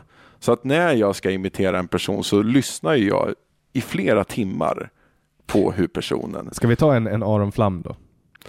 Du lyssnar på Aron Flam och jag, dagens gäst, är en arg blatte, talar. Alltså han är väldigt mystisk, alltså det, är, det är väldigt mycket mystik liksom. Och han, han vill ju också sticka ut så att, att uh, du är en kapitalistisk hjälte. Alltså jag får liksom ett så lite mystiskt, lite spännande intryck sådär av Jag kan, jag kan berätta lite om hans minspel. Mm, Han är väldigt, han, väldigt lite avslöjande i sina miner. mm, Han, han har ofta stoneface, speciellt när han eh, talar på, eh, på scen. Och det har, kan jag tänka mig. Så han är väldigt, väldigt rolig på det sättet. Mm. Eh, så det, det, är nog, det, det är också det man utstrålar när man har när man är ganska försiktig med, sina, med sitt minspel. Ja, det kan jag tänka mig. Så, eh, vad har du för andra S i rockärmen då när det kommer till imitation? Eh, ja, ja, men Ulf Adelsohn, den gamle moderaten, alltså de tvingade mig att ta det här SJ-jobbet. Tänk jag som var den enda som satt i regeringen och att det skulle sluta på det här viset. Ja, nu tyckte de allt att de var roliga. Men jag, Ulf Adelsohn, ska hämnas. De tror att de har förseningar nu, men jag lovar, när jag är färdig så kommer alla i hela Sverige att stå och vänta på något. Jaha, ersättningsbussen såklart, det är den som är SJs kärnverksamhet. Kalle Bildt. Mm, ja, jag tycker att det ska vara en bättre budget. Och jag tycker att på Clubhouse så kan man faktiskt ha lite right-an tajtan. Har, har du fått in Stefan Löfven då? Så, så, så Stefan Löfven, alltså, vi måste se till att våra ungar kommer i skolan, kommer i arbete. Han är liksom väldigt nära Göran Greider, så att, du Göran Greider här liksom, då, då du väldigt munnen stängd och, sen så kan du ändå, så får du en sjuksköterska, Stefan Löfven. Men liksom. alltså, han nu- ligger nu ganska jag nära. Nu kommer jag på Axel. Ehm, anledningen att Göran Greider kan vara med på två olika tv-kanaler och P3 samtidigt Mm. är ju för att du hoppar in i P3. Ja, ja, precis, jag brukar hoppa in Peter. Så måste det ju vara.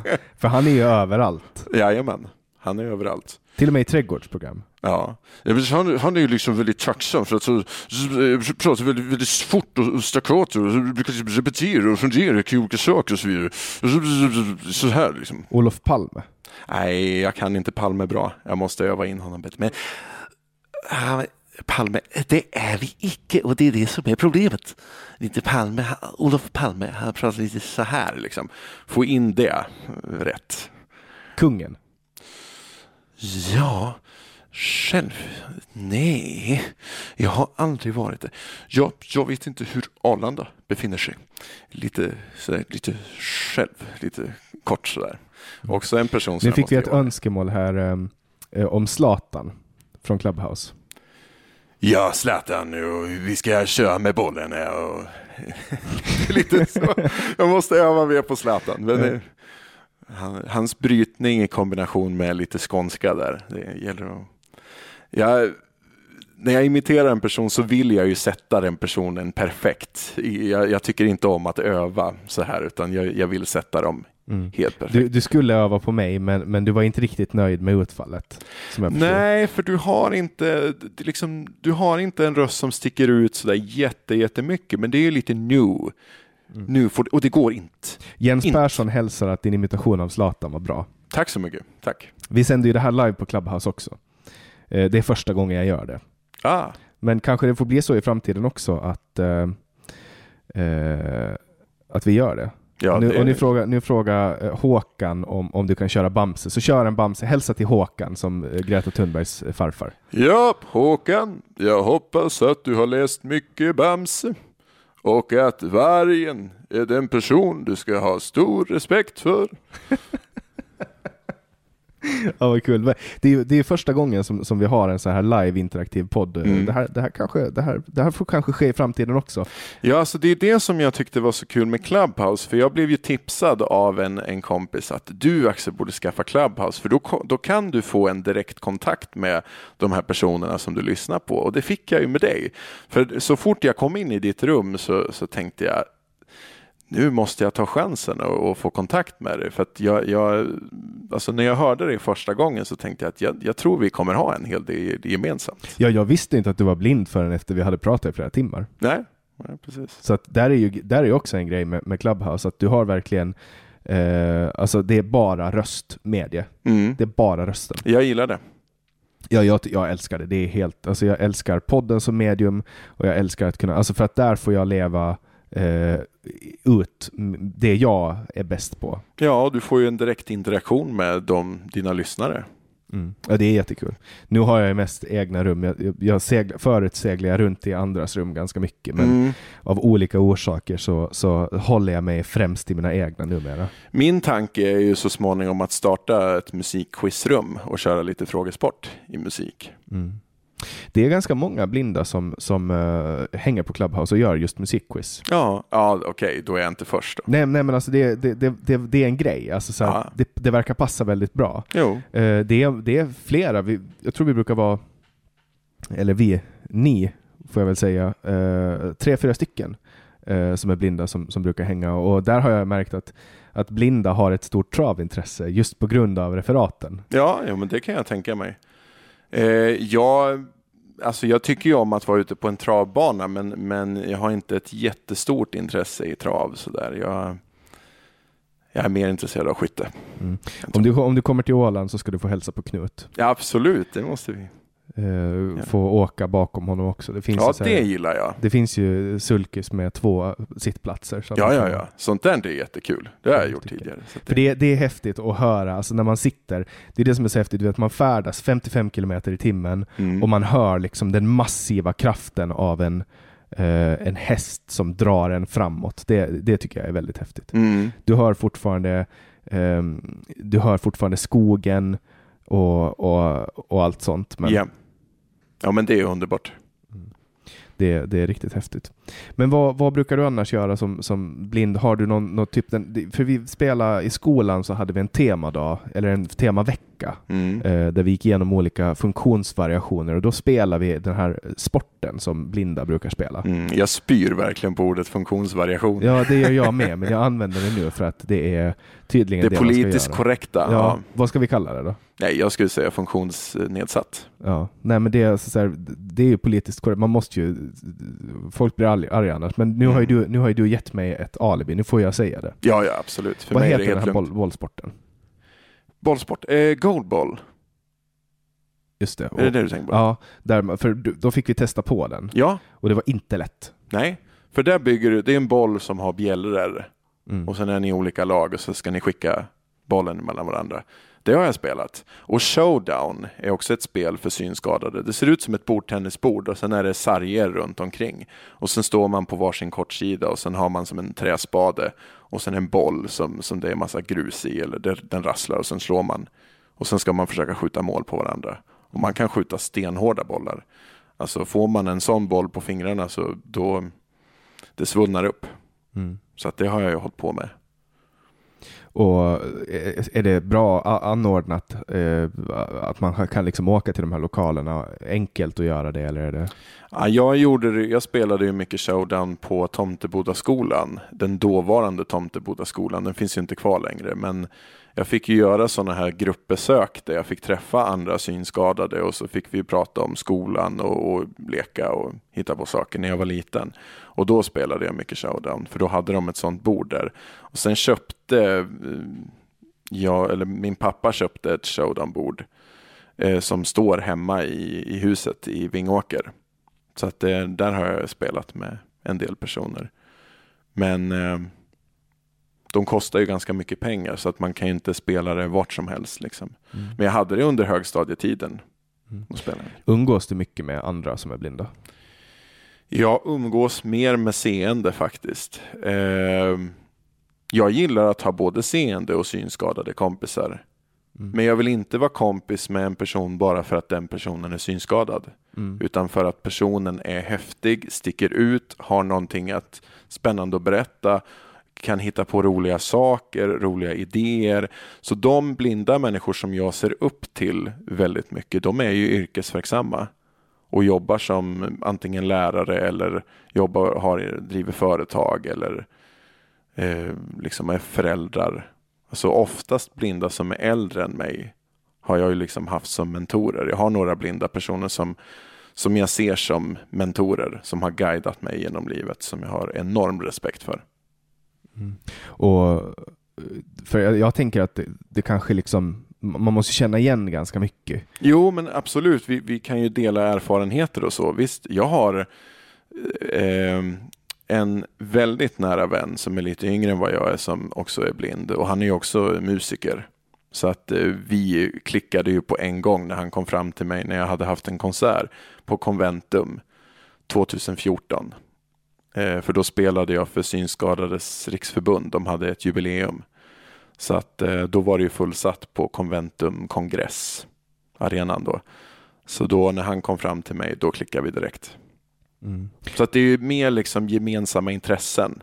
Att man har någonting gemensamt. Sen är det jättemånga blinda som jag har träffat som jag absolut inte har något gemensamt med. Och en sak som, som är lite intressant är att det är jättemånga seende som jag har träffat som tycker så här. Du borde ju vara tillsammans med någon som också är blind. Men varför då? Ja, men den personen är ju också blind. Ja, men det är inte säkert vi går ihop bara för att den personen är blind. Liksom. Det är mer intresse och värderingar som, som avgör det. Om det funkar Ja. eller inte. Ehm, har du haft någon, någon eh, blind flickvän? Nej, jag har varit med en blind tjej. Det stämmer. Men jag har inte haft, jag har inte haft ett längre förhållande. Men du har haft en, en seende tjej? Eh, jag har varit med lite tjejer, men jag har inte haft ett längre, en längre relation. Mm. Hur, eh, alltså för att det jag tänker att, eh, alltså att den, den personen tänker när, det- när den säger att du borde vara med en blind, är att eh, då har ni båda samma liksom, utgångspunkt. Ja, just i det fallet. Men det är inte säkert vi har samma intressen. Det är inte Nej. säkert att hon vill bilda familj. Och då, då, det blir ju skittråkigt. Ja, det blir ju inte superlätt heller att, att alltså, jag tänker speciellt i tidiga barn, alltså om man skaffar barn och Ja. båda är blinda. Ja, Det är ju förenat med en viss fara, tänker jag. ja men lite så är det ju. Mm, Alltså det, det, Man ser ju inte om ungen håller på att svälja någon farlig nej, grej. nej precis. Då får man hitta andra strategier för det. Och sen får man vara väldigt noggrann hela tiden med vart man har, alltså att man har koll på barnet. Mm. Men jag skulle ju vilja ha en seende flickvän. Mm. Och du vill ha barn och så. Ja, jag vill ha barn. Hur, eh, hur är det i allmänhet med, ha- har du träffat någon som har haft eh, blinda föräldrar? Eller någon blind förälder? Eh, nej, det har jag inte. Men de som jag känner som är blinda, de har ju barn. De som är äldre än vad jag är. Mm. De har ju barn, båda två. Mm. Och det är ju, det är ju de som inspirerar mig. Ja. Så att det är, utan, utan ett familjeliv, då skulle jag inte kunna vara en bra musiker heller. Mm. Det, alltså, det bygger ju inspiration. Jag tycker ju liksom musik är för mig fyra viktiga element. Dels är det talangfullhet, alltså gehöret, att man hör vad man gör. Och sen är det nummer två, teori, att man kan sin musikteori. Nummer tre, hårt arbete, att man övar fem sex timmar varje dag. Och fyra, är inspiration utifrån. Och det skulle för mig vara bra sex. Då, alltså då kan man spela och skriva bra musik. Mm. S- har, du, har du testat någon, någon drog någon gång? Nej, mest kaffe och alkohol. Mm. Det räcker. Jag är inte så jätte... Jag tycker det är spännande att läsa om droger och det är spännande att höra dig prata om cannabis och lite sådär. Men eh, jag är, inte, jag är mer intresserad av sex än droger. Mm. Ja, just det. Jag beskrev ju. Jag har, inte rökt, jag har inte rökt cannabis på fyra och ett halvt år, men jag beskrev för dig hur det var eh, förut för att du var lite nyfiken. Ja, Eh, och det tänker jag att som, alltså så här, om, jag sk- om jag skulle vara blind, det är ju bara min tanke nu, då ska jag sitta, då ska jag sitta hemma och röka cannabis hela tiden. jo, men då, då är ju frågan, kan du jobba med någonting annat? För det är, det är just det som är det farliga. Att det, det är lätt att, att börjar man med någonting så kan man fastna i ett beroende. Och jag, alltså jag är ju också lite så. Jag har ju lite det där beroende i mig. Så att jag, gör jag något för mycket, då, då går jag in i det så pass mycket så att eh, inte andra saker funkar. Nej, och det är samma i mitt fall. Jag har ju liksom, eh, jag är kapabel att bli beroende av allt som existerar. Mm. Så att eh, därför har jag valt att inte använda någonting överhuvudtaget. Nej, Det är bäst så. Alltså alkohol har jag en, en, en bra relation till. Jag vet ju precis hur mycket jag kan dricka och jag har ju övat mycket mycket liksom på det. Och när jag har varit ute på krogen, jag dricker ju mig inte jätte, jättepackad när jag är ute på krogen, för jag vill ändå ha koll på vad som händer runt mig. Och när jag har varit på diskotek och sådär och folk eh, tacklas och dansar in igen, då, då måste jag liksom ha lite koll på vad som händer.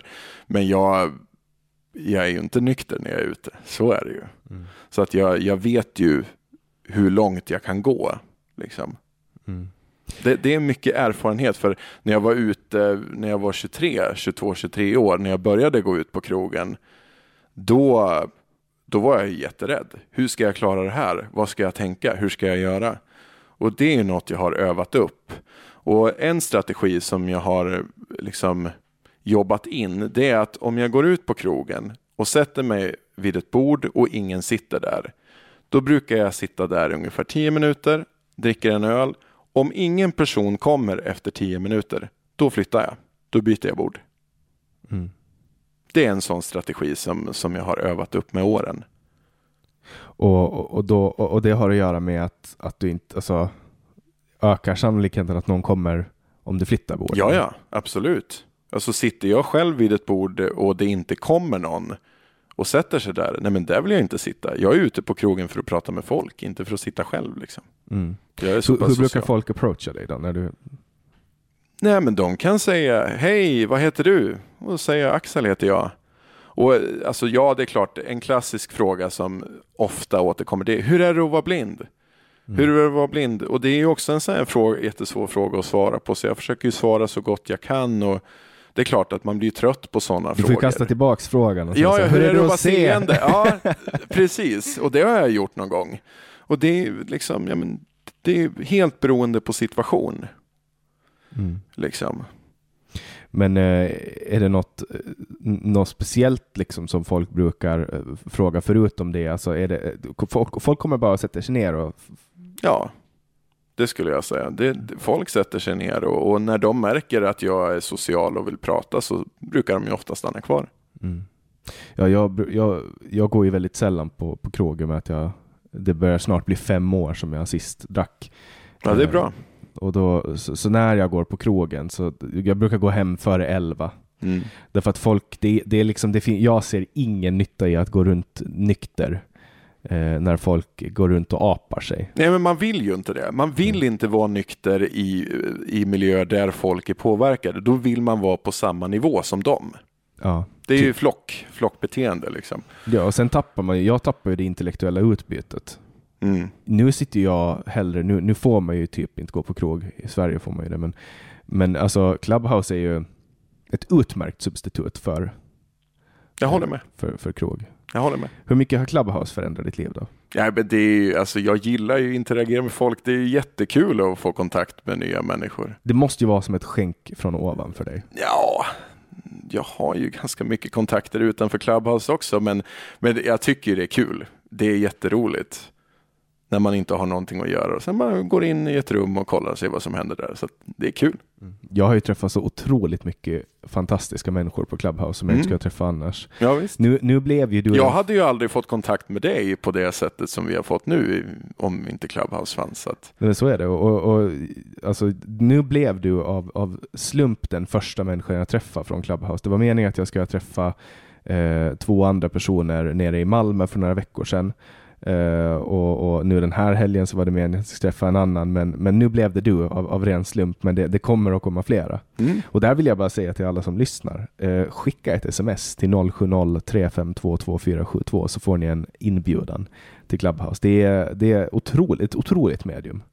Jag älskar Clubhouse. Hur länge tror du att det kommer finnas då? Är det här en, en trend som kommer hålla i sig eller tror du att det kommer dö? Vad tror du? Ja, men folk, folk vill prata med varandra. Mm. Alltså så här, jag tror inte att Clubhouse kommer att dö. Jag tror inte.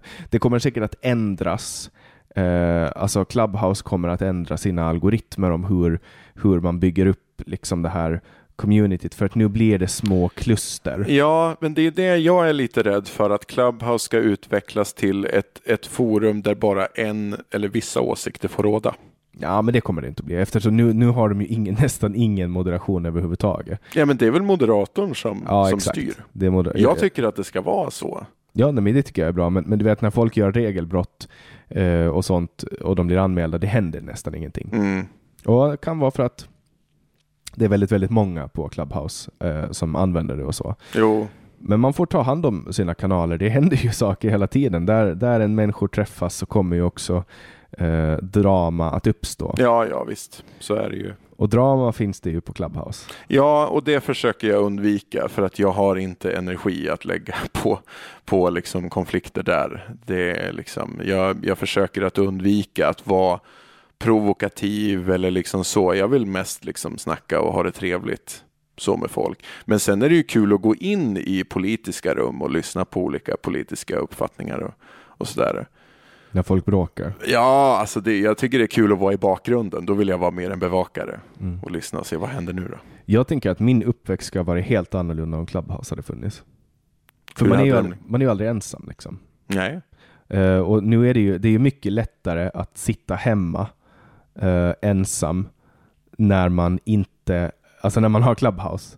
Alltså för ett år sedan eh, under pandemivåren, jag blev ju knäpp av att vara ensam hemma. Mm. Man blir det efter en stund. Alltså ensamheten, det skulle jag säga är det värsta med att inte kunna se. Att vara ensam för mycket. För det tar mycket mentalt.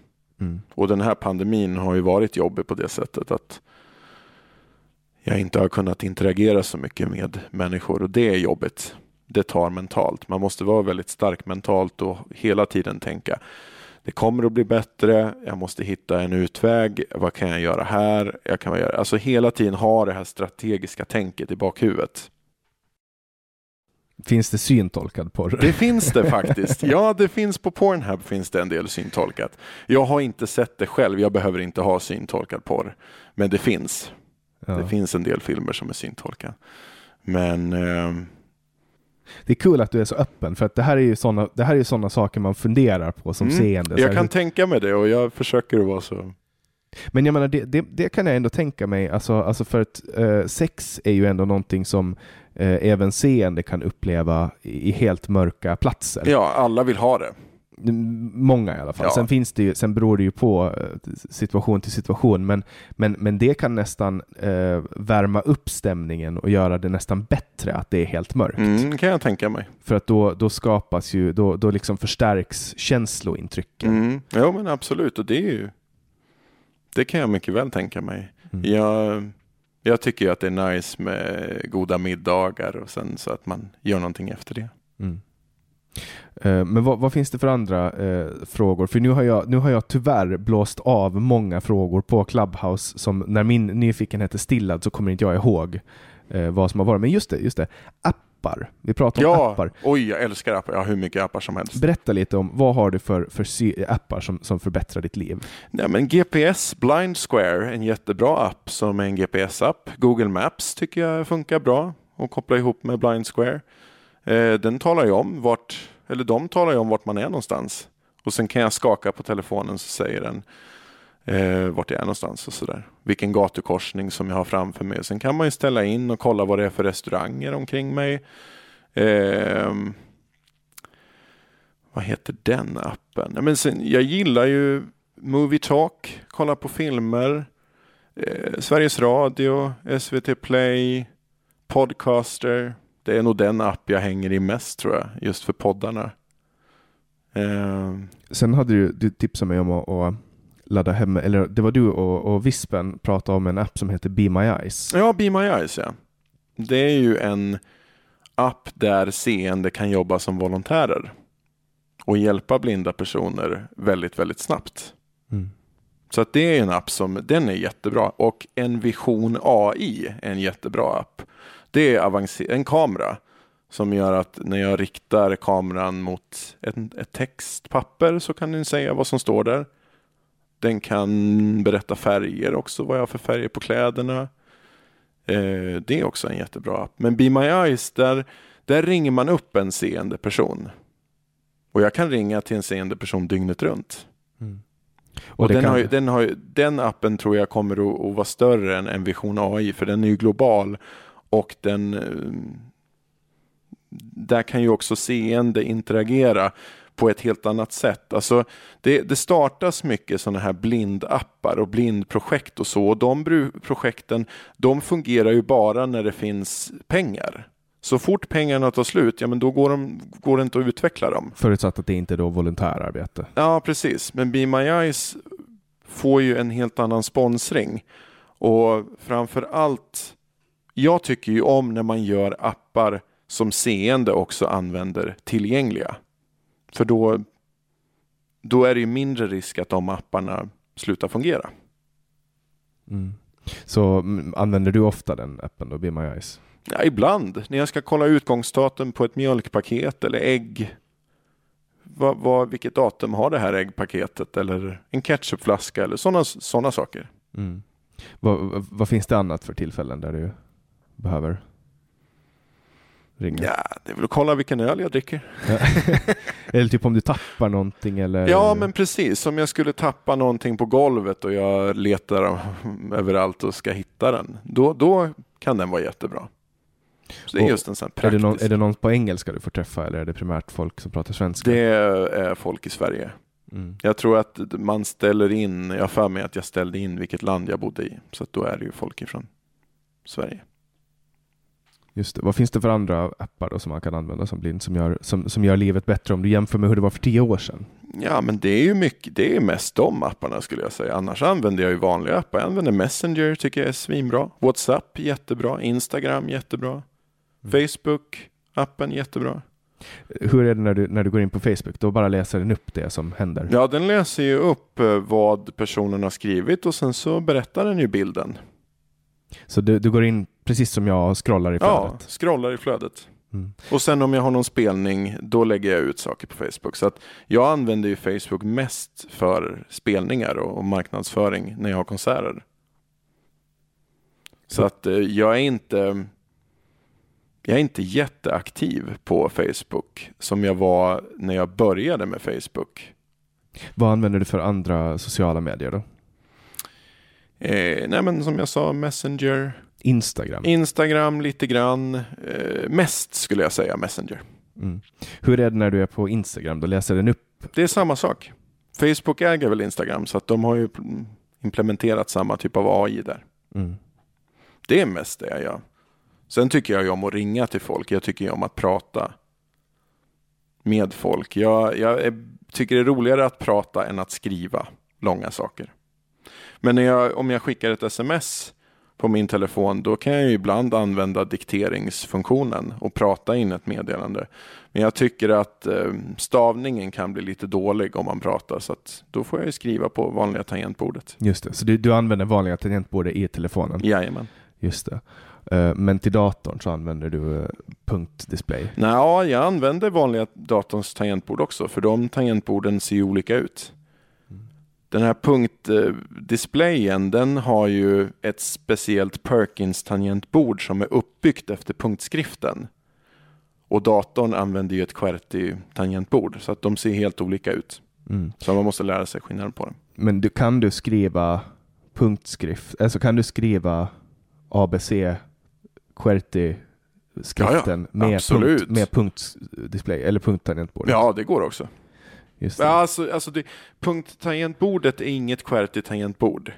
Utan när jag använder displayens tangentbord, då skriver jag som man gjorde förr på gamla punktskriftsmaskiner. Och när jag skriver på datorns tangentbord, ja, då skriver jag precis som du gör när du sitter vid din dator. Men du har en skrivare som skriver punktskrift också? Jajamän. Och det... Svartskriftsskrivare, punktskriftsskrivare. Och, och det är när du ska ta ut noter och, och sånt? Ja, precis. Så jag skrev ju, eh, när jag gjorde min praktik i Katrineholm så skrev jag ju ett körarr. Och då skriver jag i ett notprogram som heter Lime. Och då kan jag ju antingen spela in stämmorna, koppla in datorn till mitt eh, elpiano som jag har här. Så spelar jag in stämmorna.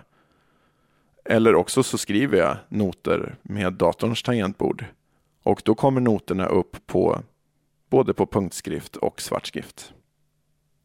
Och ja, Um, förutom, uh, förutom de sakerna vi har pratat om nu, alltså att du går på konserter och, och spelar de här sakerna, alltså spelar um, och, och, reser och, och, musik. Vad har du annat som du ägnar dina dagar åt? Ett intresse som, eller en sak jag skulle vilja utveckla, det är matlagning. Mm. Just det, jag, jag, pratar med, jag pratar med en annan person på Clubhouse som är eh, blind eh, Anneli och hon berättade om när hon eh, jobbade på restaurang Mm. och, och laga mat. Och, och det, tycker jag är, det, det, det tycker jag är jätteinspirerande. Och, eh, alltså jag, jag har ju, jag har ju, alltså det har blivit, det är extremt intressant att höra alla, alla de här olika perspektiven på saker man kan göra som blind. För jag tänker ju mig att om jag skulle bli blind, då skulle jag antagligen sitta hemma och lyssna på poddar och podda hela dagarna. Det, Mm. Jag antar att det är det jag ska göra. Det är just det där att man, man måste hitta olika saker. Man kan lyssna lite på poddar och sen hitta variation i sitt liv. Det tror jag är det viktiga. Att man gör några saker hemma och sen gör man några, några andra saker ute så att man har ett varierat liv. Ehm, Hur är det med träning och gym och så? Ja, jag tränade alltid förr, men nu under pandemin så har det inte blivit mycket träning. Men jag vill börja med det. Och nu när skolan kommer ta slut också så finns det mycket mer tid för träning. Jag sprang ju förr, alltså när jag bodde vid ehm, på i studentlägenhet, då gick jag ju därifrån och till gymmet och det var ju 700-800 meter dit. Så att jag gick ju dit i snöstorm, jag gick dit när det regnade, jag sprang på löpbanden där. Ehm, så att träning, det vill jag ta upp igen. För det gjorde jag jättemycket förut. Ja, det kommer ju en tid efter pandemin också, hoppas vi. Det gör det. Jag är inte orolig för det. Mm. Det kommer det komma göra. Jag sprang en mil för några år sedan på lite drygt en timme och det är ju en tid som jag verkligen vill slå. Jag sprang på 1.06. Jag Oj, måste okej. komma under det. Mycket långt under det. Ja. Ja, Jag, jag sprang också förut, men, men eh, jag eh, pajade mina knän. Mm. Men det är för att jag, när jag börjar med någonting så överdriver jag alltid. Ja, det är just det. Och det, det fick jag tips om nu. Jag fick ett träningsschema av en person så han sa det. Börja lugnt och sen sakta, sakta bygger du upp. Mm. Det är så man måste jobba. Och det är samma sak när man spelar instrument. Du kan inte börja och spela ett jätteavancerat pianostycke. Du måste börja med, från grunden. Liksom. Skal, träning, eh, fingerövningar så att du får flytet i spelandet och sen bygg det steg för steg. Mm. Hur, är det, hur är det att, att undervisa eh, till seende? Alltså det, ju- det funkar ju jättebra när det är mindre grupper. Ja. När det är stora grupper, alltså stora klasser på 21-22 personer, det är där begränsningen kommer. För att jag ser inte om lilla Kalle tar upp en mobil och börjar fippla med den 15 meter bort. Mm. Så att det, det handlar om volymer. Sen är det lättare att undervisa äldre elever än yngre. Mm. För att de gör det man ska. Just det. och de, de sköter sig på lektionerna, de är mer disciplinerade och, och så. Så att eh, när, man, när jag undervisar yngre personer då måste jag vara mera bestämd och mera tydlig. Hur är det med, med lagar och sånt och kring eh, anpassning? Har du rätt till att ha en, en assistent med dig på jobbet? Ja, det har jag. Och jag tror att det är Arbetsförmedlingen som fixar det. Men jag vill undervisa så mycket som möjligt utan det. För att liksom, jag vill kunna vara självständig i min undervisning. Jag vill ha koll på mina elever. Och vi gjorde så nu under min praktik att när jag hade musiklyssning till exempel eller ackordsövningar då fick eleverna ha sina paddor och sen fick de skriva i ett Google Drive-dokument och sen delade de det med mig. Så att då kunde jag ju se om de hade förstått mina uppgifter eller inte. Mm. Så att även de- där använder jag mycket digital teknik. Samma sak när det gäller noter. Liksom. Man skriver och gör en notuppgift och sen så skriver jag ut den på papper, ger den till eleverna och sen så skri- får de också skriva på en padda eller på datorn. Sen får de mejla den till mig. Mm. Ja, då kan du också se live när de sitter och skriver. Jajamän. Så att det, de kommer inte undan, här inte. Tror du att de, att de eh, fuskar då och tar upp telefonerna ibland? Eh, det tror jag. Alltså det finns säkert, alltså de elever som jag hade under min pra- praktik nu, de var jättesnälla, jättegoda. Alltså den skolan jag var på var helt fantastisk. Så eh, de gjorde inte det. Men jag har varit på en annan skola här i Örebro där det varit fullständigt kaos. Det En funkar inte. En sak som jag tänker att, att du har som fördel som blind, det är att du kommer automatiskt att ha mindre fördomar gentemot människor. Ja, alltså alla människor har ju fördomar. Jag har också fördomar. Men jag tänker mindre baserat på utseende, till exempel. Det är ju en Så dimension. kan det kanske vara. Det är en dimension som försvinner. Mm. Eh, nu har ju du inte, inte någon referensram för det, men, men vanligtvis, det är väl lite så rasism eh, är uppbyggt, att man, man bedömer någon på deras utseende och så tillskriver man dem vissa Ja, attribut. alltså jag tänker ju inte på det. Jag vill ju lyssna på personen. Vad är det du har att säga Mm. till mig? Ja, ju. och sen också när det kommer till den, den rasism som finns i Sverige är väl eh, invandrare versus svenskar. Jo, det, det här är ju en debatt som kommer att pågå länge, länge. Och jag kan tänka mig att, att tills alltså nu nästa val så kommer det vara två frågor som mycket kommer debatteras. Och det är coronastrategi och det är invandringspolitiken. Det är de sakerna som kommer vara stora. Mm. Och du, du har ju liksom inte, ehm, alltså när du går ut på, på stan, alla du möter, det är ju bara, det är ju röster. Ja, Så att där, det, jag tänker att där försvinner ju den, den grogrunden till, till rasism. ja alltså det är... Jag vill veta vad det, vad det är för folk jag har framför mig. Mm. Vad kan de berätta för mig? Vad kan de bidra med? Är det spännande personer? Sen bryr inte jag mig vilken hudfärg de har. Liksom. Eh, det är inte det som är intressant för mig. Men det, det, det är lite... Man kan ibland höra på folk som sjunger om det är en vit eller svart person. Jag vet inte, men jag, jag får för mig att jag ibland kan höra det på rösten. Men jag kan ha fel. Men, men det är vissa, vissa klanger tror jag som, som är lite olika. Typ eh, Morgan Freeman. Ja, ja. Even blasphemy. Morgan Freeman. Lite så. Det, det man, man hör att han är mörk. Alltså det jag, jag vet inte. Det är svårt att sätta fingret på vad. Men Nyckeln till frihet, det är ju min favoritfilm. Mm. ja, den är väldigt bra. Ja. Väldigt Andy Dufresne. Han, han liksom, hans röst, det är ju mycket hans sätt att skådespela. Som jag. Mm. Ehm, men hur är det med omvänd eh, rasism? Rasism mot eh, blinda? Upplever du något sånt? Hur För- menar du? Förutfattade meningar?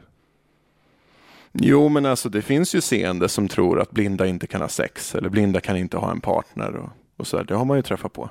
Folk som... Vad, vad kan det basera sig på? För det är ju en, det är ju en ganska bisarr tanke. Ja, jag, jag vet inte. Det, jag vet inte. Men jag har träffat folk som, som tror det. Hur är det, har du svårt för att när, när människor vill hjälpa dig? För det vet jag en del som har fysiska eh, funktionshinder, att de, de, inte vill, de vill göra allting själva fast det tar lite längre. Det beror helt på situation. Alltså har jag bråttom, då tar jag jättegärna emot hjälp för att det ska gå fort. Har jag inte bråttom utan jag har en ledig dag, då vill jag göra saker själv. Mm. Så det, beror, det blir helt beroende på sammanhang. Om jag ska gå över gatan någonstans och jag har jättebråttom för jag ska till en speciell plats snabbt, ja, men då tar jag jättegärna emot hjälp. Mm. Det jag märkte, jag, jag märkte direkt eh, hur jag anpassar mig Mhm. eh, till dig när, när jag kom in här. För att jag, jag sa direkt till dig att nu bär jag saker, nu lägger jag ner Mm. dem, nu sträcker jag fram handen. Precis, beskrivande. Ja, och det kom direkt. Det, det var ing, det var inte, jag märkte det först när jag höll på med det. Jo, och det där är ju folk jätteolika på. Alltså vissa människor är ju väldigt pedagogiska, andra är det inte. Mm. Det är jätteolika. Och de som inte är särskilt duktiga på att beskriva saker, då måste jag själv ställa mycket frågor. Ja. Vad, vad händer? Vad, vad, vad, vad gör de? Vad är det som händer nu? Liksom? Det, det beror jättemycket på personlighet. Märker du när folk sitter på mobilerna? Ja, Tycker du det är jobbigt? nej, jag bryr mig inte så mycket om det. Men, men eh, ja, nej, jag tänker inte så mycket på det. Jag Mm. håller på mycket med mobilen själv. Så att, Mm. Nu, nu, nu kliver Luna ut och sitter och tittar på oss. ja. Eh, står och viftar på svansen. Hon är kopplad och nu sträcker hon på sig. Mm. eh, och säger att hon vill att det ska hända någonting. Vi har eh, ungefär 15 minuter kvar. Eh, vad är det jag kan ha glömt som vi borde eh, avhandla? Som, som folk frågar. Ja, jag tror inte vi, jag tror vi har fått med det mesta. Alltså, de mest klassiska frågor man får det är liksom hur är det att inte kunna se? Hur klarar du dig? Liksom, mycket av det har vi ju har vi gått igenom. Det är inget som som jag kommer på sådär. Stort tack för att du var med i podcasten Samtal, Axel. Tack för att jag fick vara med. Och till er som har lyssnat, Eh, och till er som fortsätter att lyssna vecka efter vecka vill jag rikta mitt stora tack. Eh, som ni säkert har noterat eh, så är den här podden en del av Bulletin. Eh, och om du vill ha, ta del av den här podden en vecka innan så kan du gå in på www.bulletin.nu och bli pluskund. Då får du också tillgång till allt annat plusmaterial som finns att tillgå för Bulletins kunder. Jag släpper nya samtal fortsättningsvis varje onsdag och du hittar samtalen i din podcast-app. Jag heter Jannik Svensson och du har lyssnat på podcasten Samtal.